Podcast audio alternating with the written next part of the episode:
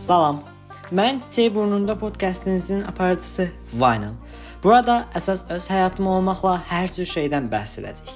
Çox-çox krizis keçirəcəm, bəlkə ağlayarıq, ya da etmərik. Burası Türk İş TV deyil nəticədə.